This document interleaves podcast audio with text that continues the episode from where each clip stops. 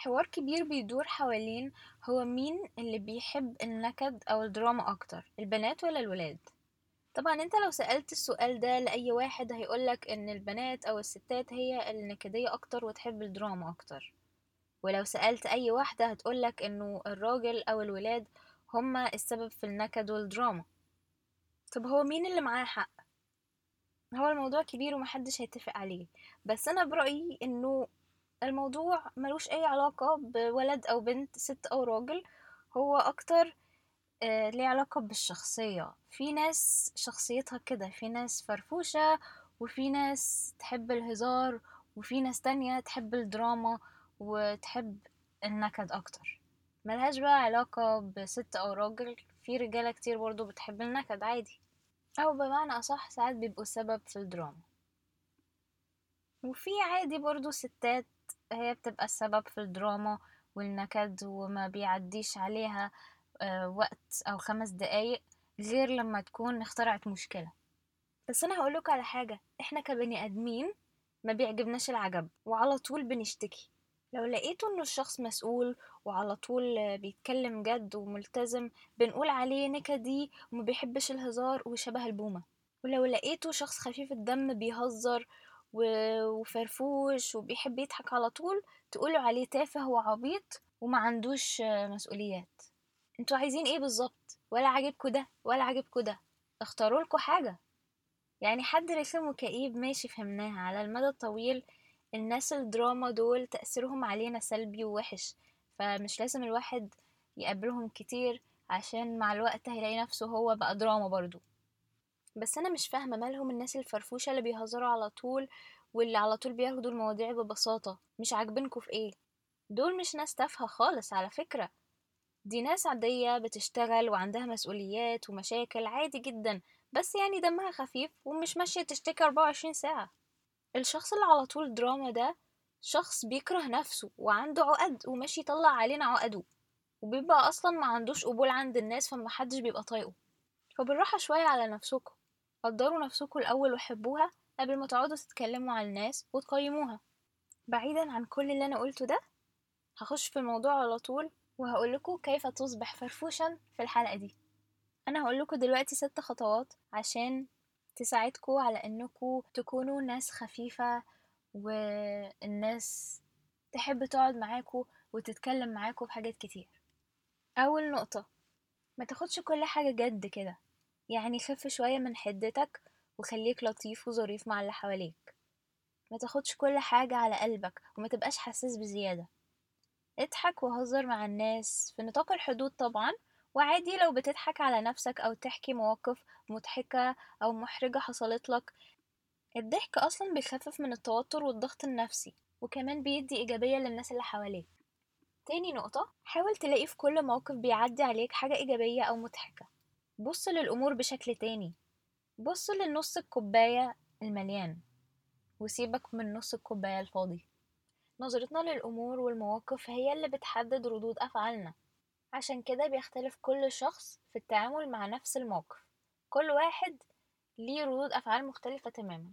الشخص الفرفوش هو الشخص اللي هيعرف يحول أي موقف لحاجة خفيفة من غير ما يجرح شخص تاني أو حتى من غير ما يجرح نفسه أو يضايق نفسه. تالت نقطة.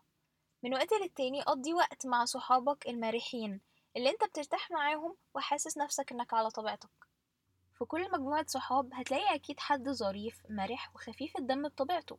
وكل الناس بتحب تقعد معاه تتكلم معاه وبيجذب الآخرين حواليه بسبب إنه عنده كاريزما في شخصيته. فالمطلوب منك إنك تقعد كتير مع الناس دي وإنت هتلاقي نفسك تلقائيا بقيت شخص خفيف وظريف وبتحب الهزار وبتاخد الأمور ببساطة. رابع نقطة خليك مميز. كل شخص ليه أسلوبه الخاص وشخصيته اللي بتميزه عن أي حد تاني. كل حد فرفوش أو مرح ليه أسلوبه وشخصيته. يعني كل واحد ليه الستايل بتاع الهزار بتاعه فما تحاولش تقلد حد. خليك كده بس على طبيعتك.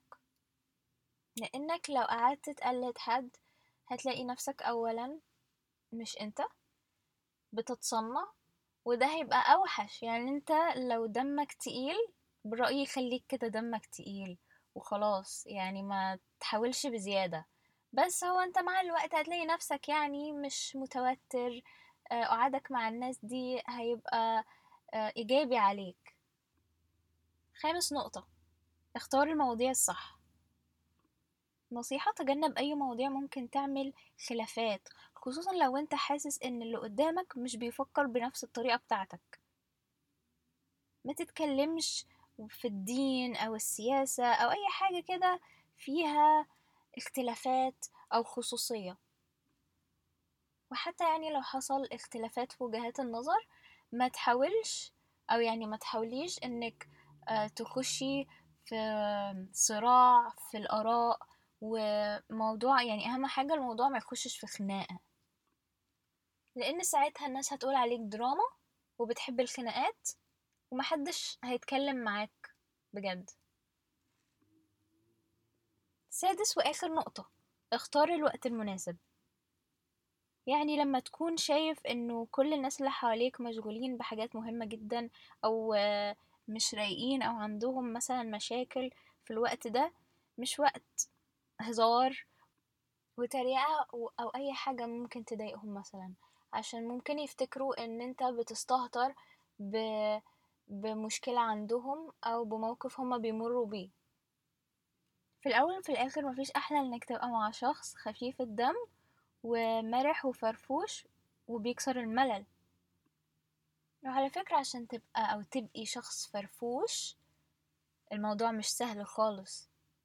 الموضوع محتاج تلقائية ومش محتاج خالص مجهود زيادة أو تصنع لأنه لما الموضوع بيخش في التصنع محدش هيصدق اللي أنت بتقوله. فساعتها المصداقية يعني مش هتبقى قد كده.